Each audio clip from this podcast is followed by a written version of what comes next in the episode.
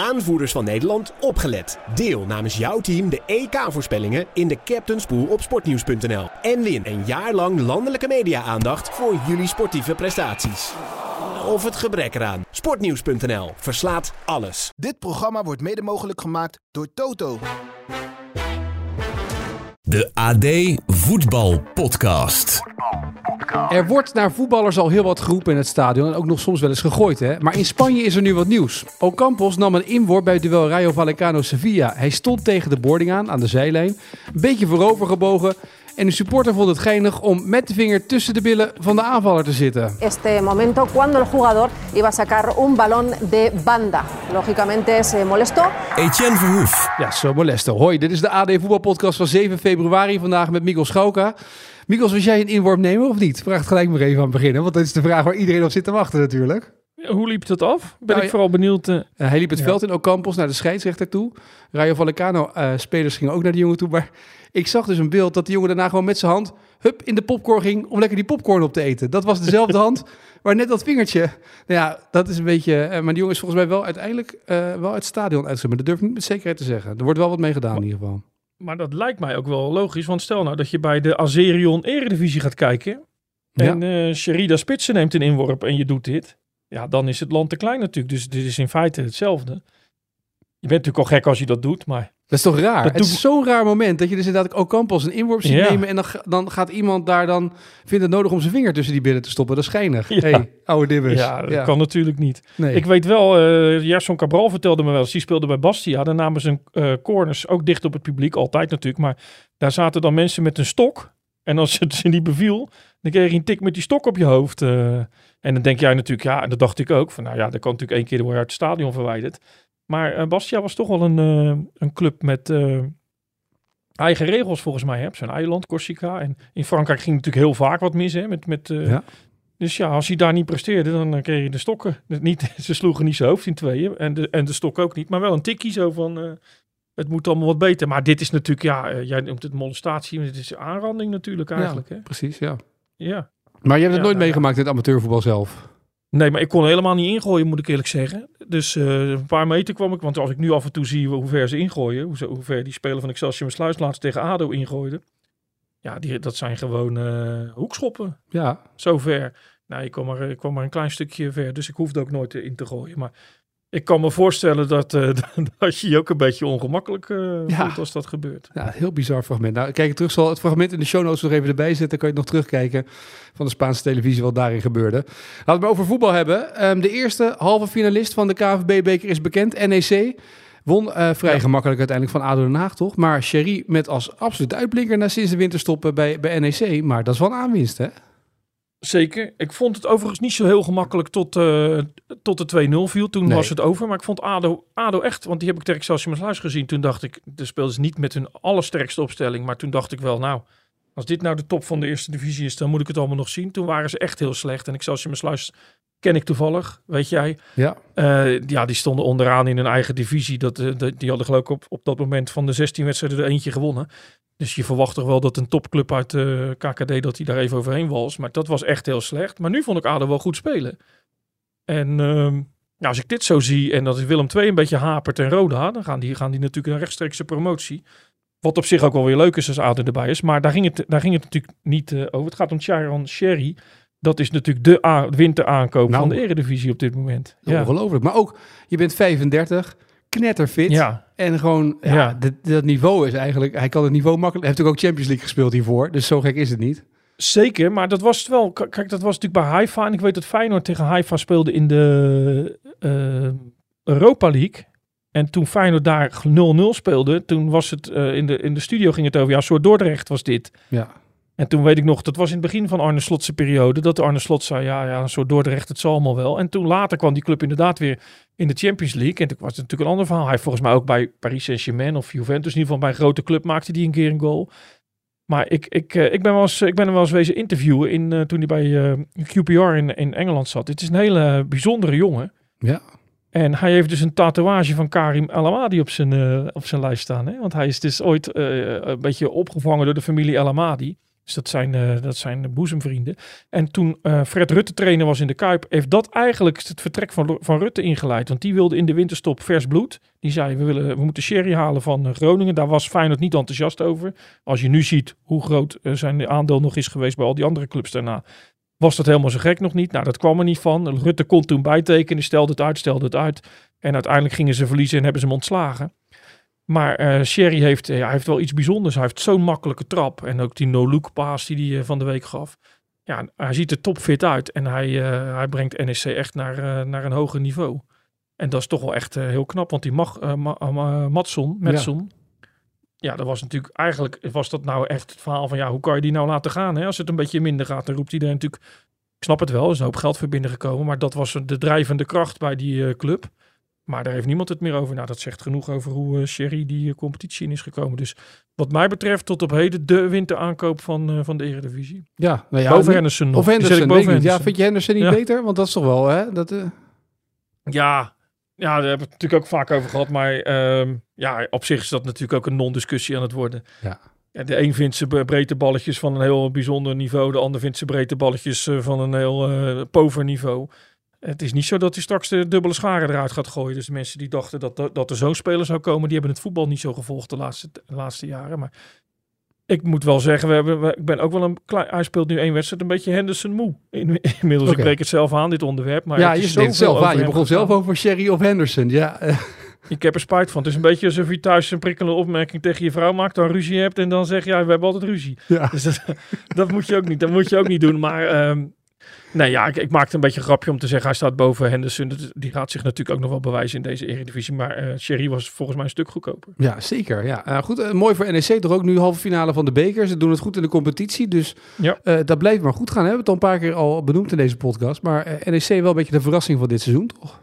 Ja, terwijl de spelersbus opgewacht Ja. is hè, dit seizoen. En Rogier Meijer, die kon zijn biezen, die had zijn koffers eigenlijk al klaar moeten hebben. Dus je ziet ook hoe snel dat in de voetballerij verandert. Hè. Zijn contract is volgens mij ook nog niet verlengd. Maar zoals hij nu presteert, gaat het echt wel eh, goed komen. En ik zag ze natuurlijk in de Kuip, eh, de eerste na de winterstop. Toen stonden ze 2-0 achter tegen Feyenoord. Had ook 5-0 kunnen zijn.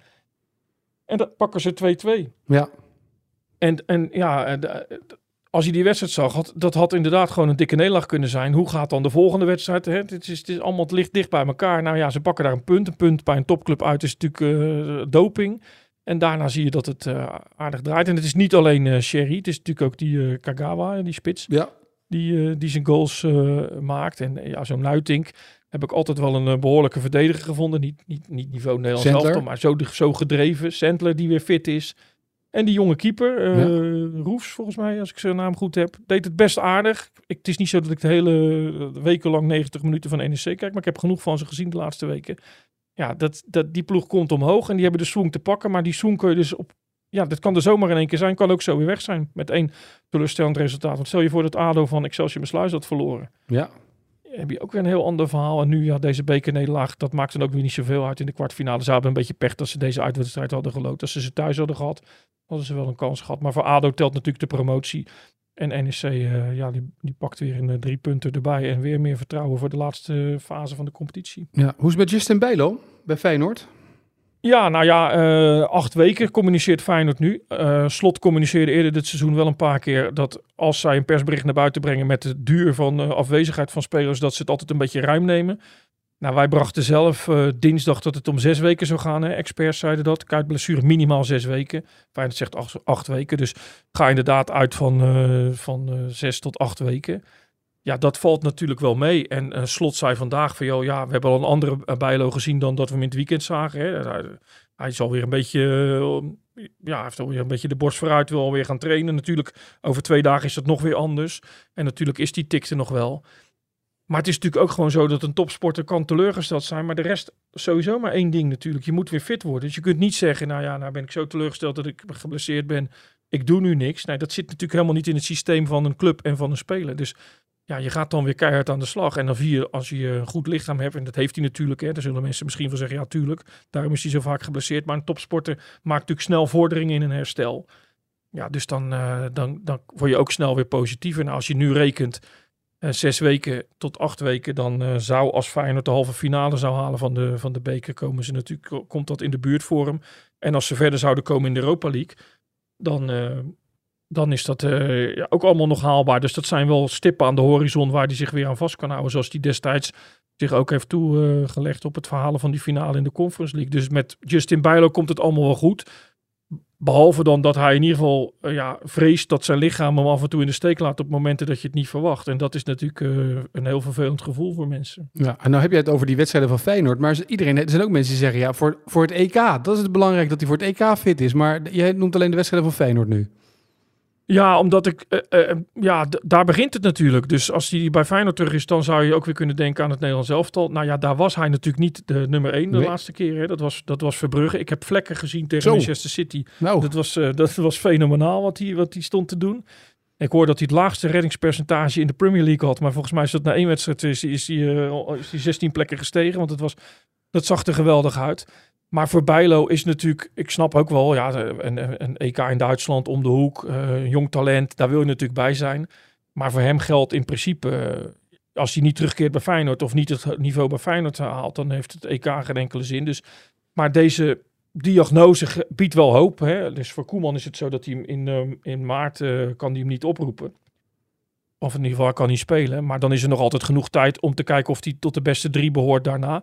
Voor Bijlo is het wel zo, ja, als er nu Verbrugge twee hele goede interlands keept, of eh, Koeman kiest voor iemand anders wat niet in de lijn der verwachtingen ligt, en die keept goed, ja, dan sta je natuurlijk onderaan de ladder. Het is niet zo dat je je op dit moment kan waarmaken, in tegendeel. nee. Dus ik denk dat hij dat ook een klein beetje uit zijn hoofd heeft gezet. In die zin dat een basisplaats nu al eh, ver weg is. En dat, dat voor hem hoop is dat hij fit raakt. En misschien toch weer bij die, bij die eerste drie eh, kan komen. Ja, maar Feyenoord speelt vanavond weer tegen AZ in de kwartfinale Ja. van de beker. Verwacht jij een andere wedstrijd van beide teams dan afgelopen weekend?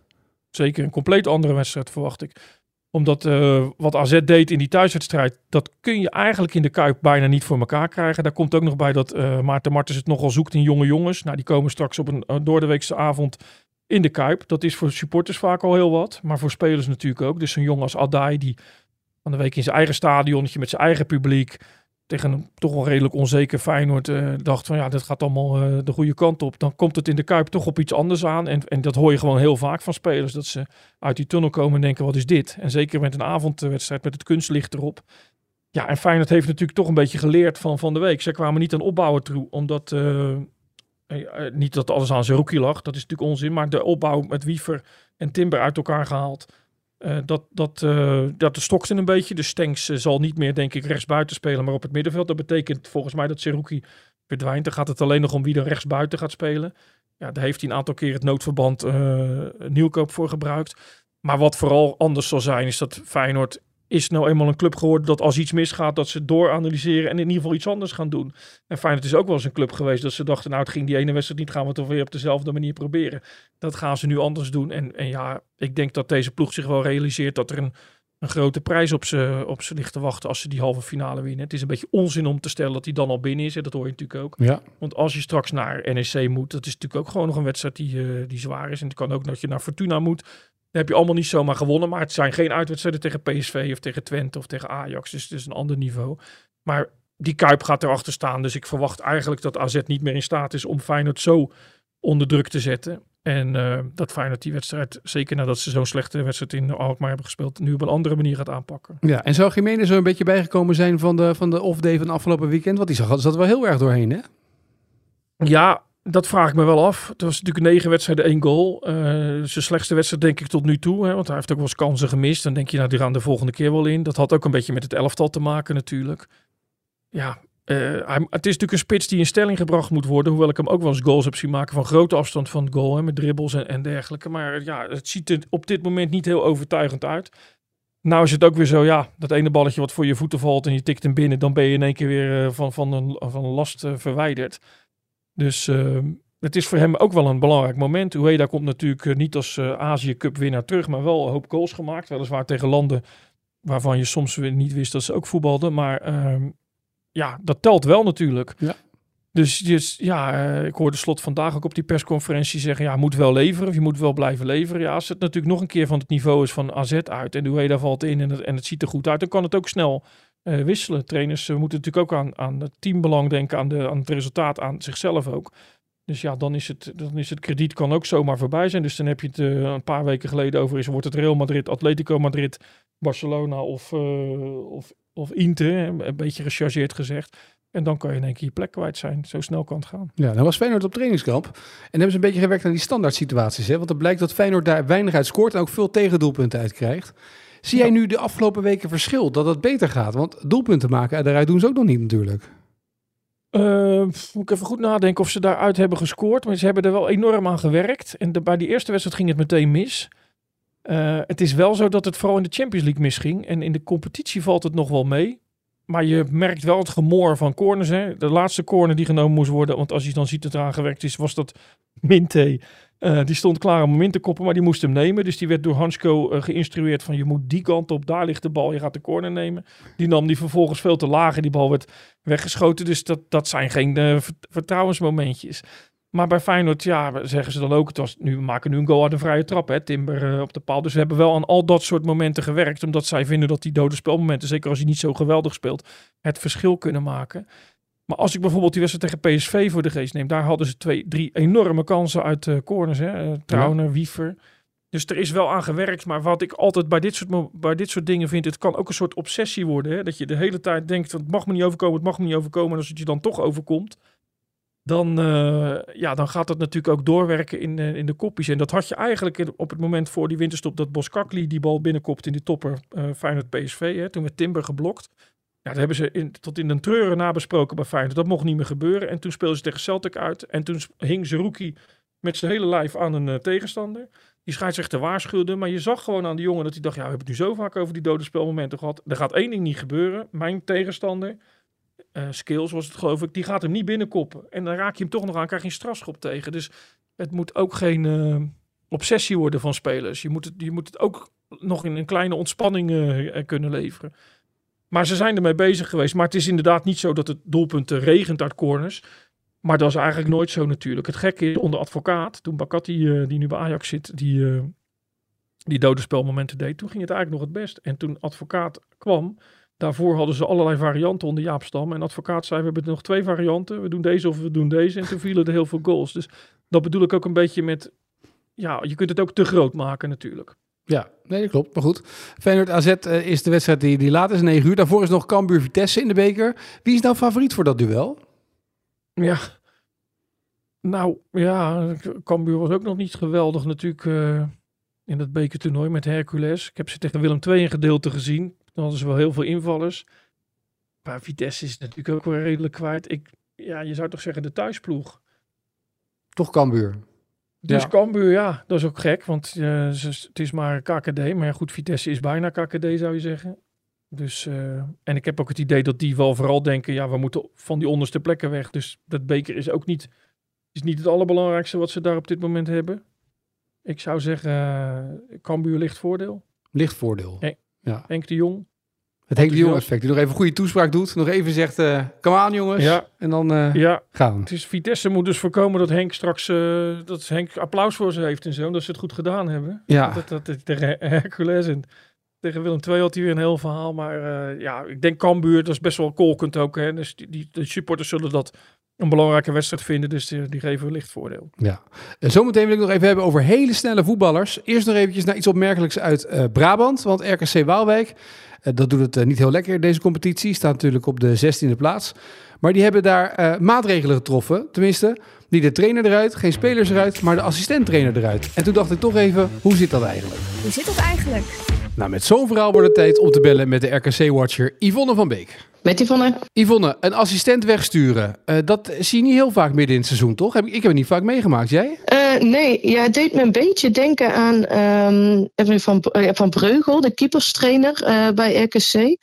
Die is in 2020 weggestuurd, was toen keeperstrainer onder Fred Grim. Um, ook toen ging het slecht. Uh, toen stonden ze onderaan. Dat was in het, uh, in het coronajaren. Daar deed het me een beetje aan denken. Maar nee, no normaal gesproken is het en al helemaal bij RKC gewoon heel rustig. Ja. Ja, maar dus ik had het ook niet echt aanzien komen. Maar is het een soort paniekreactie dat je uh, Hadouier als assistenttrainer nu zo in februari wegstuurt? Mm, nou, daar lijkt het eigenlijk niet op. Want... Um, zoals ik Mo Allach, de technisch directeur, uh, ja, heb, heb gesproken, zegt hij dat het echt um, een soort ja, mismatch is geweest uiteindelijk. Dat hij heeft gekeken, hij heeft een nieuwe staf samengesteld, compleet nieuwe staf ook, hè, nieuwe groep, veel, veel nieuwe spelers. En ja, dat heeft hij aangekeken en hij heeft uiteindelijk gezegd dat hadden we daar dan ja, toch niet bij past. En ja, dat is de conclusie na een half jaar. Hij wilde het wel de tijd geven. Zo, ja, dat is wat hij dan uiteindelijk daarvan zegt. Ja, maar het, het voelt bijna, en ik, daarmee suggereer ik niks hoor, maar dat er iets gebeurd is. Want waarom zou je dat nu in februari dan doen, terwijl je net een trainingskamp achter de rug hebt, dat je net alweer bent eh, begonnen met de competitie, de herstart hebt gehad? Het is zo'n raar moment, februari. Ja, ja, dat klopt. Nee, inderdaad, het is een raar moment. Ik, uh, ja, er is niks echt gebeurd wat hier aanleiding toe heeft gegeven. In ieder geval geen incident op een training of iets dergelijks. De spelers zijn er zelf ook door verrast trouwens. Um, die wisten dit niet en uh, zijn vanmorgen op de hoogte gesteld uh, hierover door Henk Vrezer. het is echt een besluit van, van Mo en Henk Vrezer samen. Um, ja, en ik denk dat het in de staf, het, ja, ik denk dat het uiteindelijk gewoon niet lekker liep in de staf. En dat ze, ze moeten iets, uh, ze staan natuurlijk echt uh, niet goed voor. Um, ja, of dat het paniek is, weet ik niet. Maar ik denk uiteindelijk dat het wel, wel overwogen is geweest. Want daar ken ik uh, Mo goed genoeg voor. Die is niet van de paniekbeslissingen.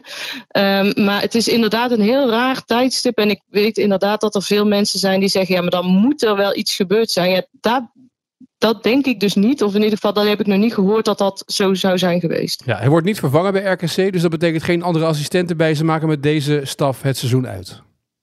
Klopt, ja. ja. En ondertussen uh, in Waalwijk is er wel iets van spanning voelbaar. Over het feit dat, ze nu nou ja, op een niet hele florisante plek staan in de eredivisie. nee, ja, je hoort her en der supporters wel morren. Um, die roepen dan weer eerder om het vertrek van Fraser.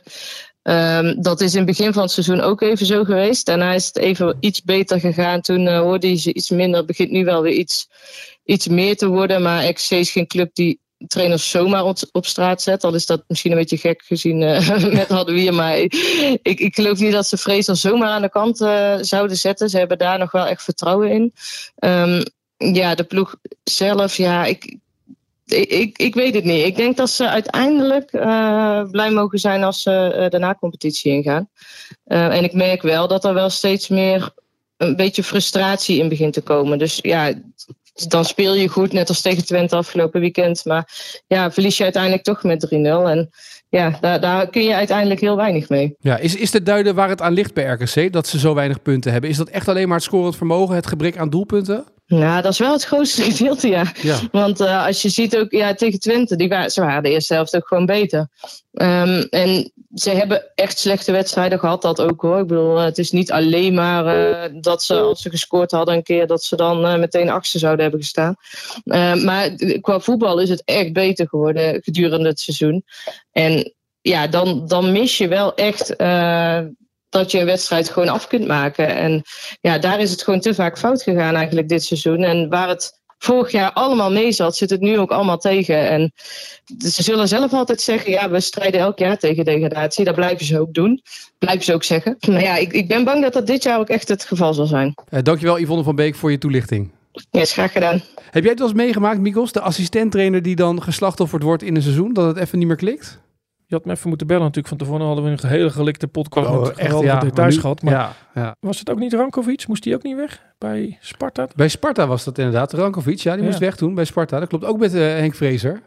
Ja. Ja, dat klopt. Nou kijk, een assistent wegsturen, dat is natuurlijk niet zo dat je dan in één keer goed gaat spelen. Maar je kunt natuurlijk wel tot de conclusie komen dat het ergens in een staf... Uh, dat, dat het niet de juiste combinatie is. Een, een, een klein voorbeeldje. Toen uh, Cor Pot was assistent bij uh, Feyenoord. En onder advocaat. En toen kwam ook Koen Stam erbij, talentvolle trainer. En ik heb het misschien al eens een keer verteld, maar dan gooien de mensen de podcast maar uit. Maar, nee, um, zeker niet. Gewoon doorluisteren. Nee. Wat is het? Nou, toen speelden ze tegen ADO Den Haag uit. En zijn advocaat zat op de bank, Koen Stam zat ernaast. En dat liep helemaal. Dat was een van de slechtste wedstrijden die Feyenoord gespeeld heeft. En uh, die Koen, advocaat riep dan, oh, die is slecht, die is slecht. En die Koen die kwam er dan overeen met slecht. Het is verschrikkelijk. Dus, dus het werd versterkte zich steeds meer. Dus advocaat die riep dan, op links komen we helemaal niet door. En dan gilde Koen dat het op rechts was het ook een drama. Totdat die dik helemaal over zijn theewater die uh, kleedkamer in is gestormd in de rust. En er drie uit heeft gehaald. En uh, drie wissels toegepast. En nou ja, ze verloren nog. Na rust was het ook niks. En toen is hij in alle rust natuurlijk die wedstrijd terug gaan kijken. En toen kwam hij tot de conclusie dat één wisseltje misschien ook wel goed genoeg was geweest. en dat het eigenlijk belangrijk was geweest dat eh, Stam hem eerder af zou remmen. Dan dat hij hem eh, op zou fokken in die, eh, in die zin. Dus daar had hij aan Corpot een betere. En dat is waarschijnlijk geen betere trainer dan Koen Stam. Maar eh, die had hem misschien wel wat rustiger kunnen krijgen. Een beetje, een beetje evenwicht kunnen zoeken. En als je elkaar natuurlijk versterkt. Ja. Ja, dan, dan, eh, dan, dan ben je inderdaad op een gegeven moment, als het een beetje niet loopt, in staat om een halve elftal te wisselen. Ja, dat vond eh advocaat dus niet verstandig. En toen hebben ze het weer teruggewisseld. Toen is Stam weer naar de tribune verdwenen. En toen is eh Corpot weer op de bank gaan zitten. En Dus eigenlijk zeg je dat de carrière van Koen Stam als assistent bondscoach van Curaçao hier eigenlijk eh, de, ne- de neus door is geboord door zijn eigen houding. Ja, hoewel ook advocaat zei dat het een goede trainer was. Ja. En, en, en Pot ook. Alleen, eh, ja, het moet misschien met een andere hoofdtrainer dat dat wel klikt. Hè? Dat, een, dat als je een hele rustige hoofdtrainer hebt, dat je misschien een assistent hebt die wat, wat vuriger is. Maar het moet natuurlijk, je moet natuurlijk voorkomen dat je op een gegeven moment met z'n tweeën staat, eh, staat te constateren dat het, dat het allemaal amateurs zijn. Rijsdijk heeft het ook een beetje bij Sparta natuurlijk. Hè? Ja. Die, dat, dat hij kwaad wordt als het helemaal slecht Die heb ik ook al een paar keer horen roepen. Ja, amateurs en dit en dat.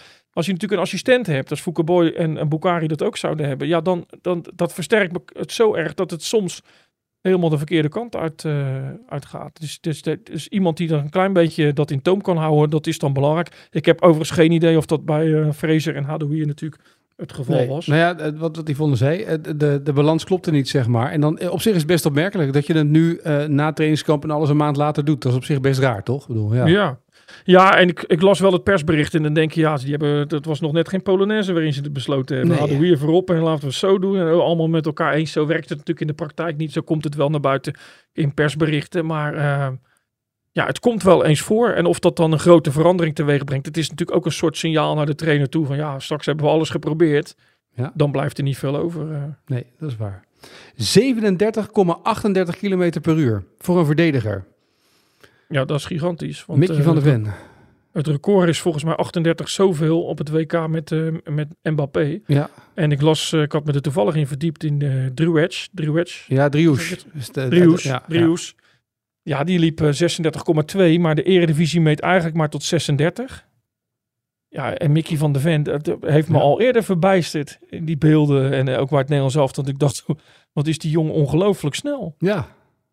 En eh, ja, dat is natuurlijk een enorm wapen. Eh, eh, En, en zeker als je straks in een ploeg gaat spelen, dat doet hij al een beetje, want Tottenham durft wel naar voren. Maar ja, als je, als je, dus hem naar, als je hem bij een toernooi meeneemt en je staat achter en je, je, je wil nog meer mensen naar voren doen, dan heb je natuurlijk aan iemand met zoveel snelheid achterin, heb je wel wat. ja. Dus het, is, het is gigantisch. Het was me eerlijk gezegd bij Volendam nooit zo opgevallen. Nee. Maar het is, eh, het is gigantisch snel. Nou, het heeft enorm veel voordelen natuurlijk. Als je iemand achterin zet met die snelheid, dan kan je als verdediging veel meer naar voren spelen, waardoor je Zeker. tegenstander veel meer op buitenspel gaat spelen, veel meer buitenspel staat. Dat is natuurlijk een enorm Ja. voordeel. Je kan veel meer de boel compact houden, omdat je echt hoog druk kan zetten eigenlijk als, als verdediging.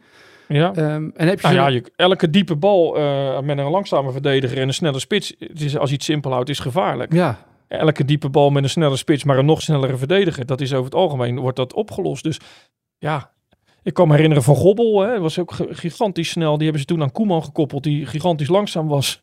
En dat hebben ze op het WK toen eh, geprobeerd in Amerika. Ik, dat lukte niet zo, hè. Gobbel verdween er ook wel weer uit, maar... Ja, voor een verdediger is hij is natuurlijk goud in handen met deze, met deze snelheid. Kijk, Van Dijk is ook niet langzaam en die heeft heel veel kracht. Blijft vaak uit het duel en, en lost het dan ook wel op. Maar deze jongen, ja, als, die kan ook uit de duels blijven met deze, deze snelheid. Dus eh, ik zat er bijna te bedenken, moet Koeman het niet een keer gewoon proberen met hem in de basis om te zien hoe dat... We, we hebben Ake daar lopen en je hebt Van Dijk. Maar als je zo graag eigenlijk 3-4-3, 5-3-2, hoe je het ook wil noemen, wil spelen... Waarom zou je met, met zo'n snelheid, het is zo'n machtig wapen...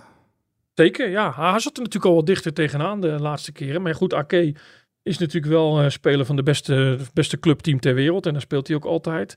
Van Dijk is natuurlijk een, ook een, een, grote jongen. Dus hij, verdedigend opzicht heeft hij heel veel keuze. Maar eh, ja, hij is toen geblesseerd geraakt. Ja, En, eh, maar ik denk wel dat dit een jongen is ja, die niet lang meer eh, tegen te houden is op dat vlak. Want bij, bij Spurs is die eh, voor een mega bedrag gekomen. Maar hij maakt het ook waar. Dus Ja. Toen, die, toen die van Volendam wegging en toen Feyenoord wilde hem toen hebben. En eh, toen is hij uiteindelijk naar Wolfsburg gegaan. Toen heb ik niet het idee gehad dat er mensen, veel mensen in de Kuip waren die dachten... Oh mijn god, nou, we, hebben, we hebben hem niet, wat erg, wat erg.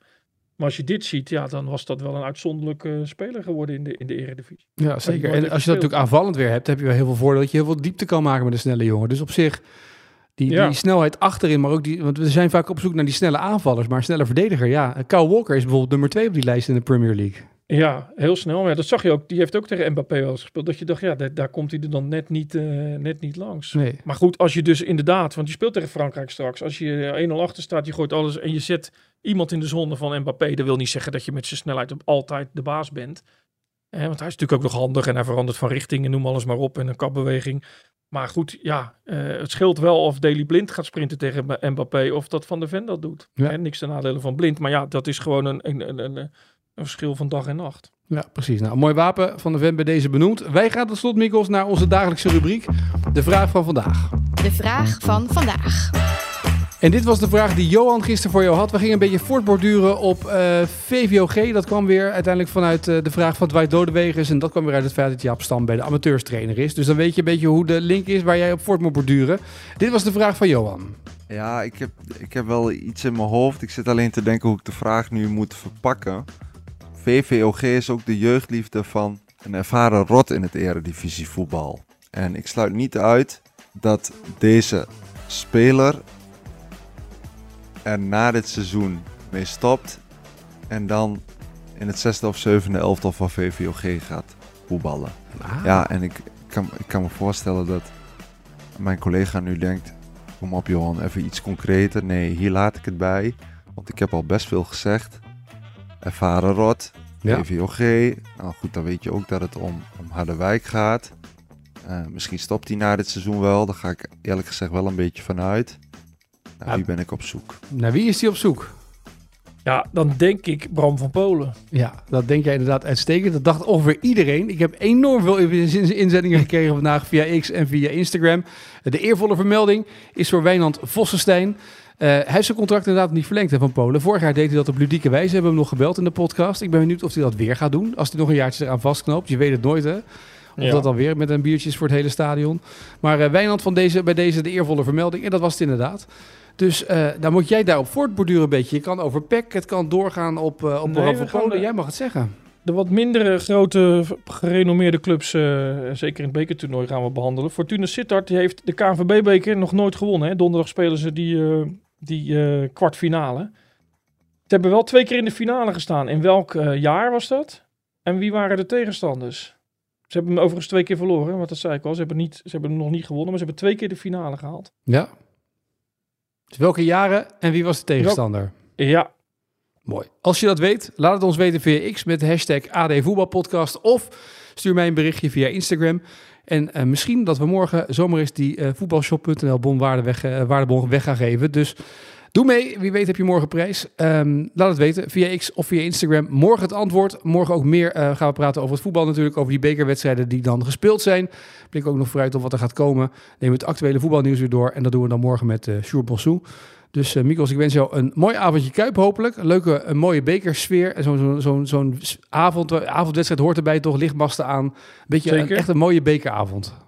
Ik heb nog één, één dingetje voordat we het vergeten. De. Afrika Cup is natuurlijk ook nog bezig. Ja. Daar speelt Nigeria tegen Zuid-Afrika. En daar draagt William Troost Ekong de aanvoerdersband. Hè? Uh, door de recht gespeeld. Niet echt opgevallen bij de mensen. Groningen gespeeld, moest hij heel snel weg volgens mij. Had hij ook ruzie gemaakt. Kent gespeeld, moest hij ook weg. Nou ja, uiteindelijk een grote rondgang, maar een geweldige carrière gehad. Overigens ook een hele, een hele sociaal bewogen jongen. Een aantal keren geïnterviewd en gesproken. En uh, het zou toch wat zijn als die de Afrika Cup omhoog houdt, hè? William Troost Ekong, want de OC-man is een, een, een, ja. Moses Simon, dat zijn allemaal ploeggenoten, grote namen. Dus uh, het krijgt niet zo gek veel aandacht meer, die, die Afrika Cup bij ons. Als Marokko eruit ligt, dan hebben we het gevoel dat het uh, ook een beetje afgelopen is met dat toernooi. Maar um, ja, wij, wij zijn neutraal en het maakt mij vrijwel nooit uit wie er wint. Maar ik zou het wel heel leuk vinden als deze jongen die, die Afrika Cup weet te winnen. Ja, dan moet je en eigenlijk een reportage nog... doen bij Marco Bogers op zondagavond, hè, als die finale is. Ja, nou ja, die heeft... Die heeft die, hem naar uh, gehaald, toch, toen? Ja, maar daar zat bijvoorbeeld ook Robin Goossens in, ja. Duitse, Duitse international geworden. Dus soms denk je toch, uh, hoe kan het dat die spelers dat soort carrières nog, uh, nog voor elkaar krijgen. En dan hebben toch niet alle, alle mensen het goed gezien. En aan hem kleeft nog wel een, aardig verhaal. Zijn moeder heeft ooit jaren geleden eens een keer een berichtje gestuurd naar de krant met de mededeling: Mijn zoon kan heel aardig voetballen. Die speelt in Engeland, maar er is nog nooit aandacht voor geweest. En uh, hij zou best wel in de Nederlandse jeugdelftallen mee kunnen. En ik had haar geantwoord: Er zijn zoveel moeders die hun zoon heel erg goed vinden. Dus ja, ik geloof er in eerste instantie niet zo heel erg in. Maar we wilden het nog wel zien. Nou, toen uh, heeft ze me een beetje uitgelegd hoe het zat. Die jongen is op kostschool gegaan in Engeland. En uiteindelijk is hij bij Spurs terechtgekomen.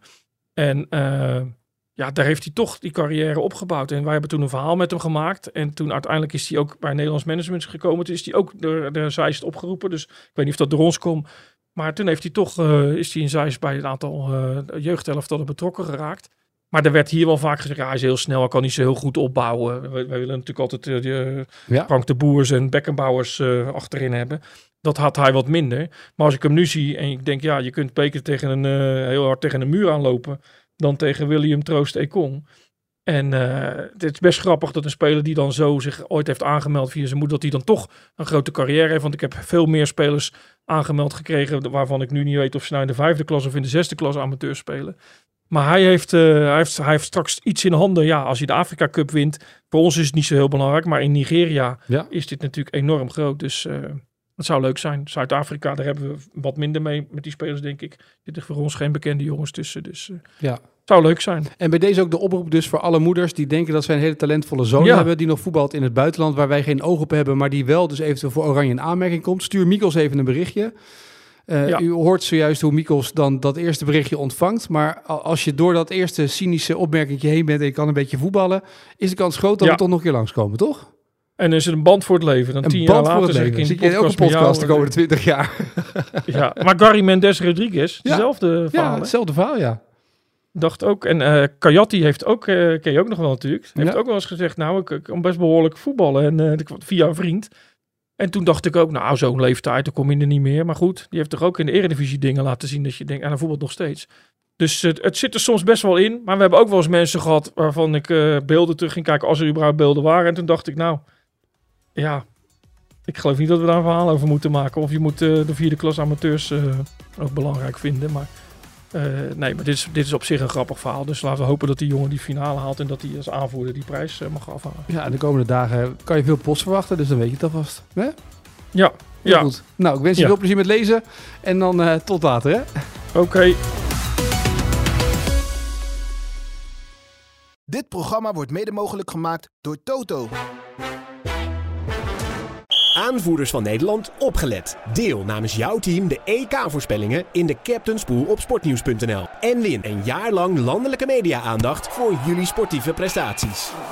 Of het gebrek eraan. Sportnieuws.nl verslaat alles.